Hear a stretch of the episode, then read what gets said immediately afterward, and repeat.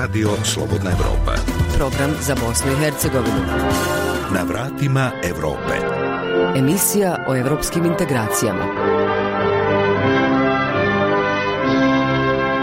Srdačan pozdrav, poštovani slušalci, moje ime je Gojko Veselinović. U narednih pola sata za vas smo pripremili sljedeće sadržaje.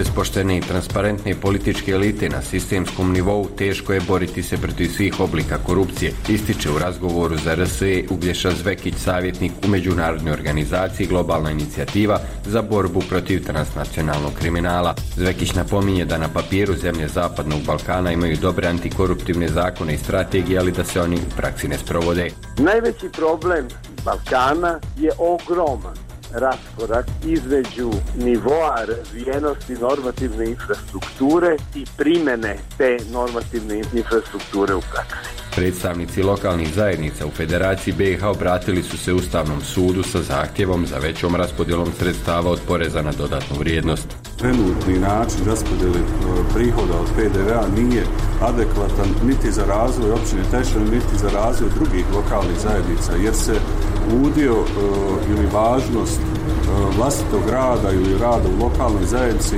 relativno malo vrednuje. U Unsko-Sanskom kantonu sve manje učenika u osnovnim školama zbog iseljavanja stanovništva koje odlazi u zemlje Evropske unije. Prirodno u ovoj našoj školi imamo negdje oko 640 učenika. Za ovu godinu smo izgubili čitavo jedno odjeljenje.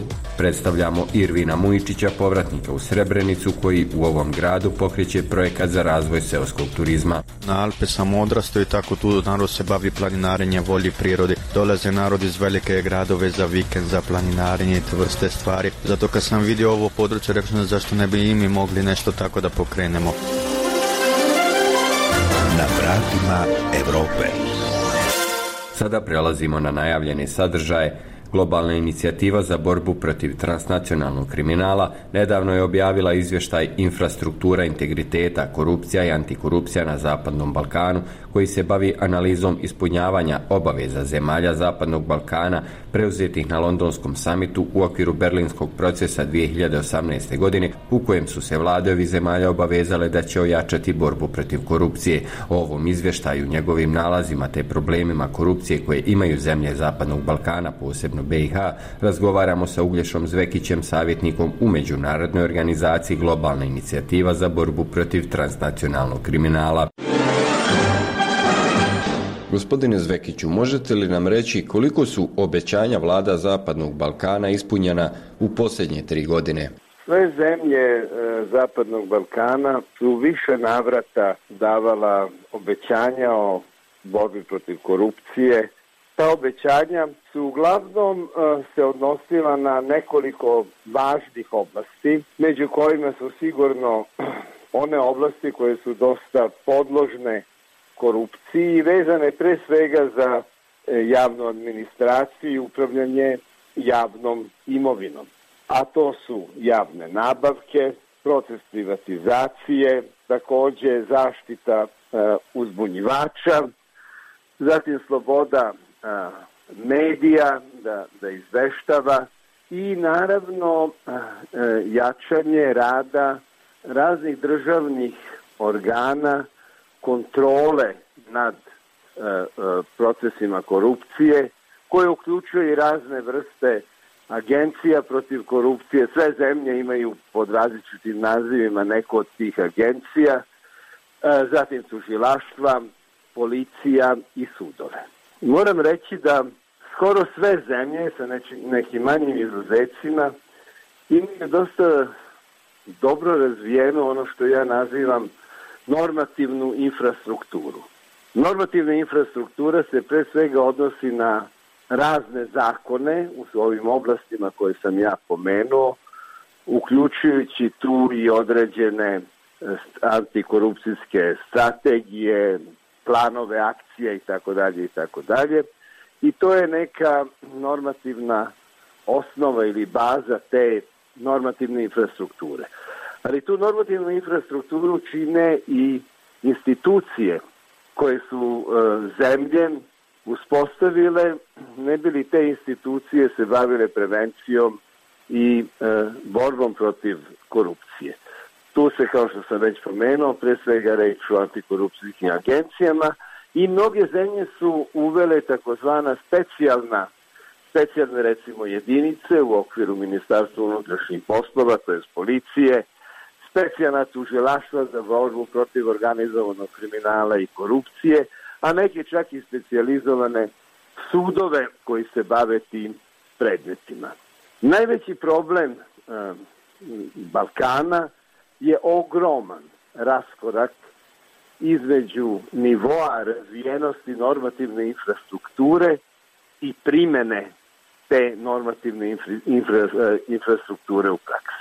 U okviru ovog izvještaja nalazi se i drugi izvještaj političke ekonomije i organizovana korupcija u kojem se navodi da je rezultat svih ovih mjera u zemljama Zapadnog Balkana organizovana korupcija. Gospodine Zvekiću, možete li nam objasniti o čemu se zapravo radi? Eh, u nas, mislim tu na naš ovaj region, eh, postoji nešto što ja nazivam skoro narodskim jezikom korupcije iz navike i da upotrebim malo profesionalni izraz konvencionalna a, korupcija, a to su razne vrste davanja mita, podmićivanja, a, nepotizam koji se, koji se odnosi prilikom zapošljavanja pre svega u javnim sektorima, ali i u privatnom i tako dalje, problemi u školstvu, problemi u zdravstvu, i tako dalje i tako dalje. Ja to nazivam korupcijom iz navike zbog toga što je to korupcija na koju su se naši građani nažalost navikli i praktično se više oko te korupcije, osim ono koji je direktno pogođen, niko više mnogo ni ne uzbuđuje. Nažalost, ona je našla neko, e, neku kulturnu potku u narodu koji ima svoje istorijske, ima svoje političke e, korene, ja mislim da je ona dosta tolerisana i da to određenim e, strukturama političkim, ekonomskim i kriminalnim odgovara da takva vrsta jedne tolerantne korupcije postoji. S njom možemo i da se na neki način nosimo bez nekih naročito velikih društvenih posledica. Ona pandan i daleko ozbiljnija korupcije, tako ja nazivam organizovana korupcija. Organizovana korupcija zapravo predstavlja jedan e, od načina korišćenja raznih oblika korupcionih radnji od strane organizovanih interesnih grupa. Te organizovane grupe mogu biti kriminalne. Znači, organizovana kriminalna grupa se vrlo često koristi, čak danas mnogo češće nego nekim drugim metodama, korupcijom ne bili e, svoj nelegalno ostvareni profit plasirala u državni, društveni, ekonomski i politički sistem. Ali to ne mora samo da bude kriminalna organizovana grupa.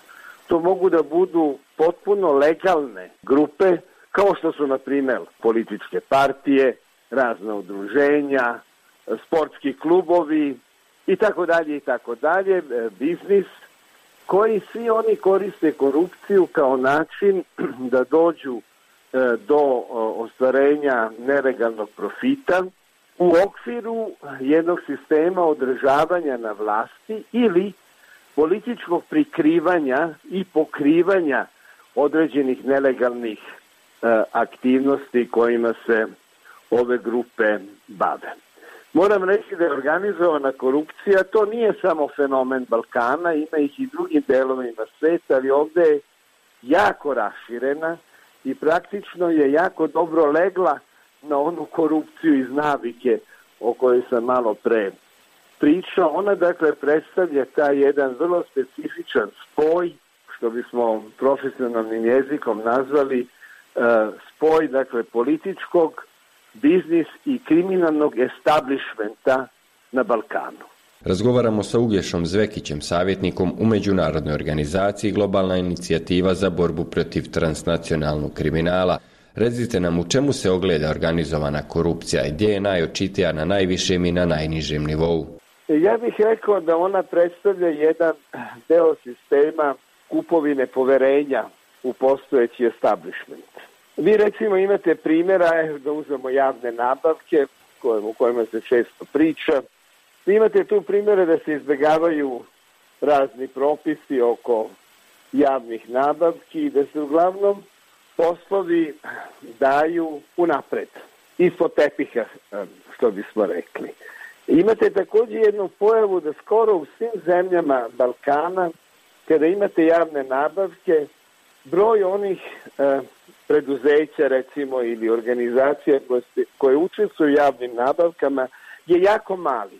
Znači praktično ne postoji konkurentnost. To vam već govori o tome da to nije pravi tržišni, državno tržišni instrument e, dodele e, e, prava na korištenje državnih sredstava, ne, ne, da iza toga postoji čitava jedna mreža organizovanih interesa i to zapravo čini ovaj deo organizovane korupcije.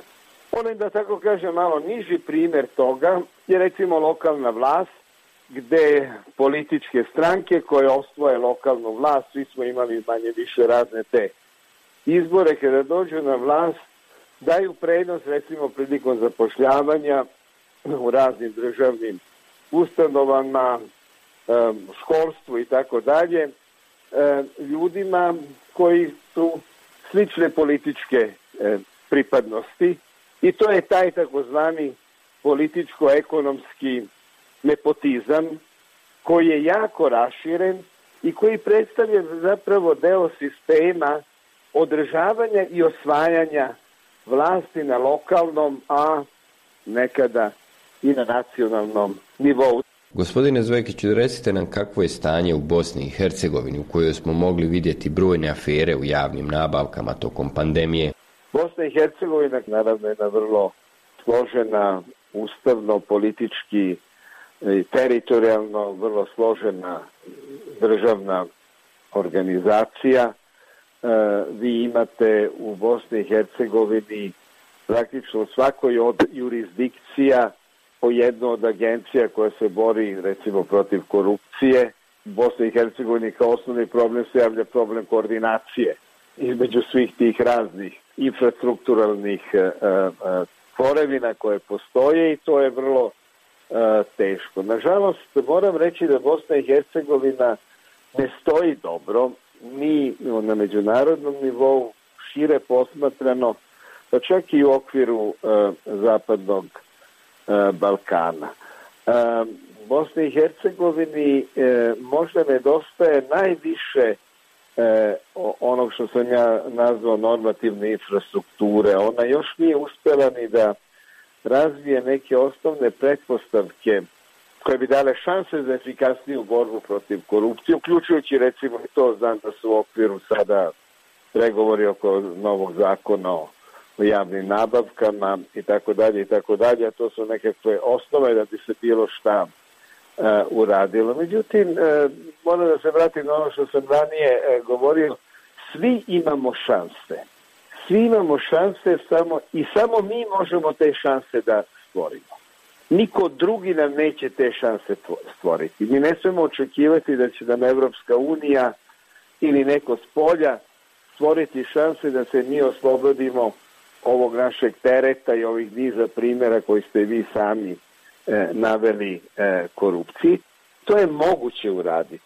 Zato treba puno kuraži, puno jednog e, građanskog angažmana koji također ne može da bude i ispreseckan raznim administrativnim podelama koje postoje ne samo u Bosni i Hercegovini nego i ostali e, zemljama na Balkanu, ali posebno u Bosni e, i Hercegovini. Hvala vam na ovom razgovoru. Razgovarali smo sa Uglješom Zvekićem, savjetnikom u Međunarodnoj organizaciji Globalna inicijativa za borbu protiv transnacionalnog kriminala. Reforme za Evropu. Slušate emisiju Na vratima Evrope. Raspodjela sredstava od PDV-a u Federaciji BiH najmanja je na evropskom kontinentu, kažu predstavnici lokalnih zajednica, od kojih su se neki zbog toga obratili i Ustavnom sudu BiH. Oni tvrde da je najveći dio potreba građani ostvaruju upravo u lokalnim zajednicama koje zbog glomaznog administrativnog aparata dobijaju manje novca od poreza, odnosno iz zajedničke kase, pripremio Arnes Grbešić. Pozivajući se na Europsku povelju o lokalnoj samoupravi, zakonodavno pravna komisija predstavničkog doma parlamenta Federacije Bosne i Hercegovine, te odbor za ekonomsku i financijsku politiku kao i komisija za lokalnu samoupravu tog doma podržali su zahtjev opštine Tešanj za zaštitu prava lokalne zajednice upućenog Ustavnom sudu Federacije, smatrajući da je povrijeđeno pravo na lokalnu samoupravu opštine Tešanj, saopšteno je iz ove lokalne zajednice. U saopštenju se podsjeća da je u martu ove godine opština Tešanj uputila Ustavnom sudu Federacije Bosne i Hercegovine zahtjev za zaštitu prava lokalne zajednice zbog raspodjele javnih prihoda u ovom entitetu, po kojoj su građani koji žive u opštinama koje broje više od 60.000 stanovnika privilegovani za određeni iznos javnih sredstava, čime je povrijeđeno pravo jednakopravnosti stanovnika opština u kojima živi manje od 60.000 ljudi. Podnosilac apelacije, načelnik Tešnja Suat Huskić kaže da ovaj problem pogađa gotovo milion i po građana u Federaciji Bosne i Hercegovine. Trenutni način raspodjele e, prihoda od PDV-a nije adekvatan niti za razvoj općine Tešnja, niti za razvoj drugih lokalnih zajednica, jer se udio e, ili važnost E, vlastitog rada ili rada u lokalnoj zajednici relativno malo vrednuje. I mi ćemo nastaviti razgovore na tu temu, dakle očekujemo brzo izjašnjenje Ustavnog suda i nadamo se da će neke promjene uslijediti već tokom ove godine. Huskić navodi da sa oko 43.000 stanovnika i ukupnim prometom fiskalnih uređaja u prošloj godini od milijardu i 450 miliona maraka Tešen zauzima šesto mjesto u Federaciji Bosne i Hercegovine. Mi smo pokazali da smo u pogledu prometa fiskalnim uređajima šesta općina u Federaciji po prvi put. E, do sada smo bili ispod sedmog mjesta, dakle i dalje, i dalje rastemo, a u povratu dakle, od nekih 72 općine nalazimo se na 60. mjestu. U povratu sredstava od PDV-a, iako dakle za ukupno razumijevanje cijele materije treba poznavati brojne kriterije, dakle i sagledavati ih više na raspodjelu javnih prihoda u Federaciji ovih dana se osvrnuo i gradonačelnik Tuzle Jasmin Imamović koji kaže da se na europskom kontinentu gradovima i opštinama u Federaciji u budžete vraća najmanje sredstava od PDV-a. Lokalne zajednice u Federaciji iz PDV-a prime 8%, dok se u razvijenim europskim državama taj procenat kreće između 30 i 35%, kaže Imamović. Bogate zemlje poput Njemačke e, vjeruju u to da bogata, jaka, svaka općina i svaki grad, jaka je Njemačka. Kod nas to baš i nije tako i to je najbolje vidljivo kroz recimo raspodjelu PDV-a. Dakle, što je zemlja razvijenija, kod njih se više izdvaja za PDV u gradove i općine. Evo imate primjer nordijskih zemalja, e, imate primjer nordijskih zemalja gdje to ide i do 50%. Kod nas to nije dobro, kod nas za cijelu federaciju 8,5% i to je najmanje na europskom kontinentu.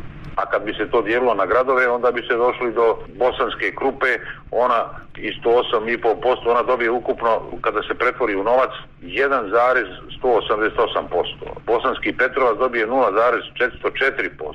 Ključ 0695. Tuzlanski gradonačelnik Jasmin Imamović dalje obrazlaže zašto je to tako. Zato što imamo takav ustav federacije, zato što imamo kantone, jer se kod nas u ime decentralizacije dogodila centralizacija na nivou entiteta i kantona. To se dogodilo i u svakom gradu pa i u glavnom gradu. Istinska decentralizacija je jačanje gradova i općina, a ne njihovo slabljenje na račun kantona. Jedini bi zaokret bio u izmjeni zakonodavstva, ali tu je prepreka Ustav federacije. Znači na izmjenama Ustava federacije e, gdje bi se nadležnosti i novac prenijeli više na gradove i općine i više na federaciju, a zadržale one nadležnosti na kantonu koje se izdogovaraju jer morate se dogovarati jer vam treba dvije trećine ruku da biste mijenjali ustav. A svi građani žive u gradovima i općinama i svaki građanin 85% svojih potreba zadovoljava u svom gradu i svojoj općini. O promjenama Ustava Federacije kao i Bosne i Hercegovine jasno je da trenutno nema političke volje i Federalni ustavni sud, koji će odlučivati o apelaciji opštine Tešanj u pogledu raspodjele javnih prihoda gradovima i opštinama u ovom bosansko-hercegovačkom entitetu zbog političkih sukoba radi sa manjim brojem sudija od predviđenog. Za radio Slobodna Europa iz Tešnja, Arnes Grbešić. Emisiju Na vratima Europe možete i pročitati na našoj web stranici slobodnaevropa.org. Godinama je evidentan trend smanjenja broja učenika u osnovnim školama zbog iseljavanja stanovništva u Unsko-Sanskom kantonu, a on nije prekinut ni za vrijeme pandemije. Prema podacima vaspitno-obrazovnih ustanova u ovom dijelu BiH u proteklih godinu dana zbog odlaska van granica ispisano je 338 učenika. Kao neminovna posljedica najavljuje se i mogućnost zatvaranja nekih škola. O čemu se radi provjerila Azra Bajerić. Kada je prije nešto više od dvije decenije počeo raditi u osnovnoj školi Stijena, Sulejman Kaljiković, danas direktor škole, kaže kako je nastavu pohađalo oko 1550 učenika u centralnoj i pet područnih škola. Posljednjih se godina broj učenika konstantno smanjuje, kako zbog pada nataliteta, tako više zbog trenda iseljavanja stanovništva. Djeca nam odlaze, znamo zašto i zbog čega, prije su odlazili samo roditelji raditi, a danas odlaze i roditelji i učenici. Tako da trenutno u ovoj našoj školi imamo negdje oko 640 učenika. Za ovu godinu smo izgubili čitavo jedno odjeljenje. Znači jedan razred ili, kako mi volimo reći, direktori jedno radno mjesto. Slična je situacija i u većini od 11 cazinskih osnovnih škola. Odlaze cijele porodice, učenika je sve manje, učionice poluprazne, a nekima prijeti ključ u bravu. Hajrudin Okanović, direktor osnovne škole Ostrožac. Centralna škola Ostrožac je imala 1200 učenika prije rata, Zadnjih 15 godina taj se broj prepolovio. Tad smo imali oko 800, a sad imamo oko 450 učenika zajedno sa područnim školama. Pali smo ispod 500 učenika. Područne škole nam broje između 40 i 50 učenika koji su najviše podijeljeni znači u kombinacije i, i trokombinacije ali moram isteći da imamo e, smanjen upis učenika u prvi razred. Znali smo nekada da imamo i po 70, 80, a sad ih imamo isto tako upola manje. 40 svega ukupno. Znači, centralnoj je ove godine bilo 25, ali sljedeće godine će biti 10. Osnovna škola Šturlić također bilježi negativne indikatore kada je u pitanju broj učenika. Organizirati nastavu predstavlja sve veći izazov, kaže Abi Domanović, direktor škole. U centralnoj školi imamo 220 učenika, u područnoj školi Stulička placa imamo 30 učenika. Imamo i dalje trend smanjenja učenika, roditelji odlaze uglavnom Slovenija najviše, svake godine ode od 15 do 20 učenika, to već dugo traje. Sad je malo ova epidemija zaustavila, ali koliko će to biti ne znam. Da je pandemija u proteklih godinu dana samo usporila, no ne i zaustavila trend iseljavanja, potvrđuju i podaci Ministarstva obrazovanja Unsko-Sanskog kantona. Albijana Trnavci, sekretar ministarstva. Radi se o negdje oko 250 učenika koji su ispisala se iz e, naših osnovnih škola, a što se tiče srednjih škola radi se o 88 učenika. Za građane, prije svih roditelje, mogućnost odlaska van granica vidi se kao nada u bolji život. Muhare Majdinović. To bi išao za bolji život. Vidiš ti, mi smo ostali bez ičega. Mladi oš, selo jedno nemaš naći ništa, niku. Sve ošlo, odvelo ženu, djetu. Prvi moj sin ošao svak. Mora tako ići.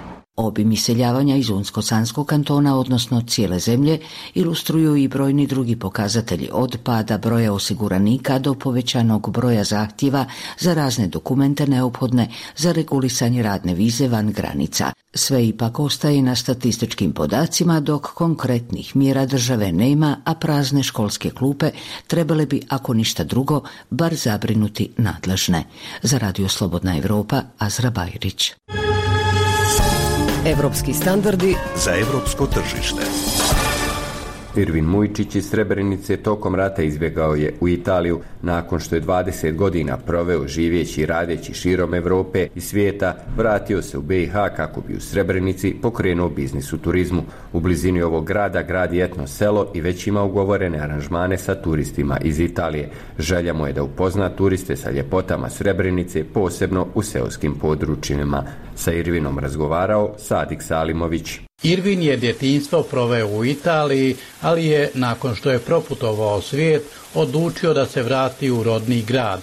Školovao se, usavršavao, naučio nekoliko svjetskih jezika, ali nije zaboravio ni bosanski.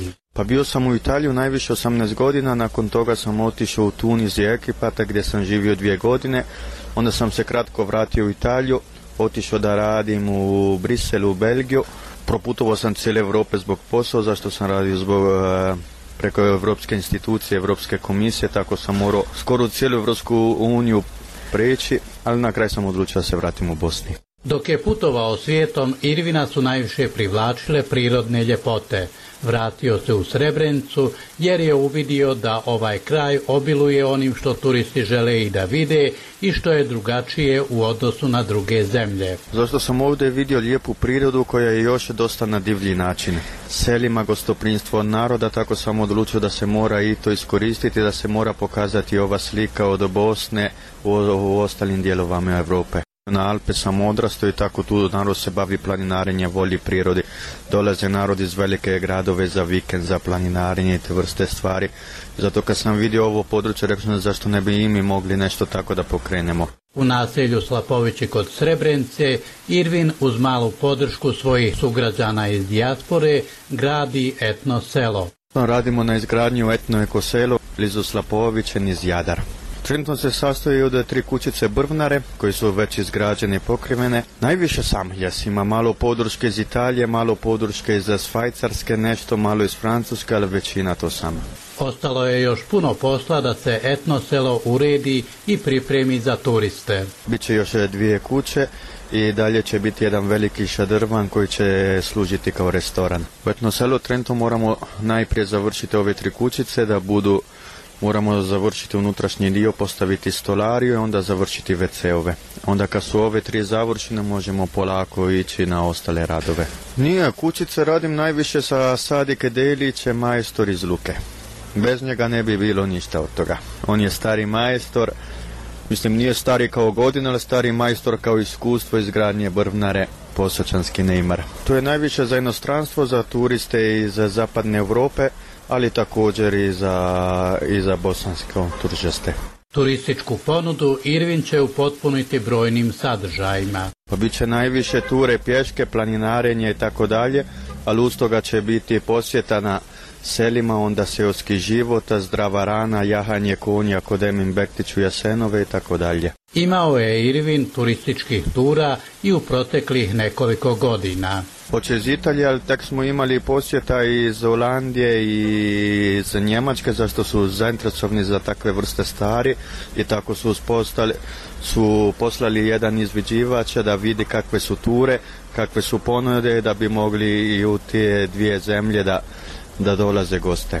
Irvin ima i dug prema svom gradu iz porodičnih razloga. Vidio sam ovaj kraj da izumire i tako nisam mislio da je bilo pošteno prema mog oca koji je ubijen ovdje u toku rata u genocidu Srebrenici, tako sam odlučio da kao malo dijete što je se ovdje rodio, otišao i proputovao svijete da vratim moje znanje i iskustvo u mom rodnom kraju, da pokušamo da još malo toliko koliko preživi.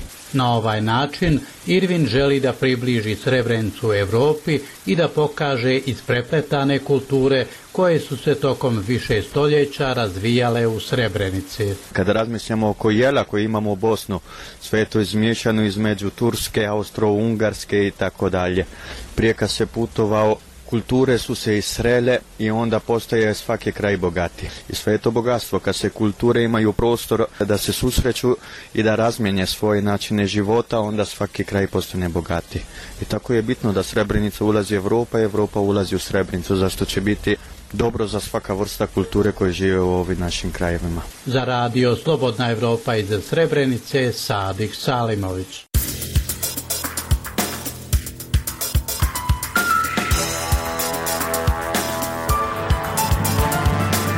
To bi bilo sve za ovaj put. Pratite zanimljive sadržaje Radija Slobodna Evropa i dalje putem radio talasa i naše web stranice slobodnaevropa.org. Podcaste za viri ispod površine glasom mladi i između redova, osim na web sajtu, možete naći na Facebooku i Twitteru, kao i na Spotify, Google podcastima i iTunesu. Pozdravljaju vas Svjetlana Petrović i Gojko Veselinović.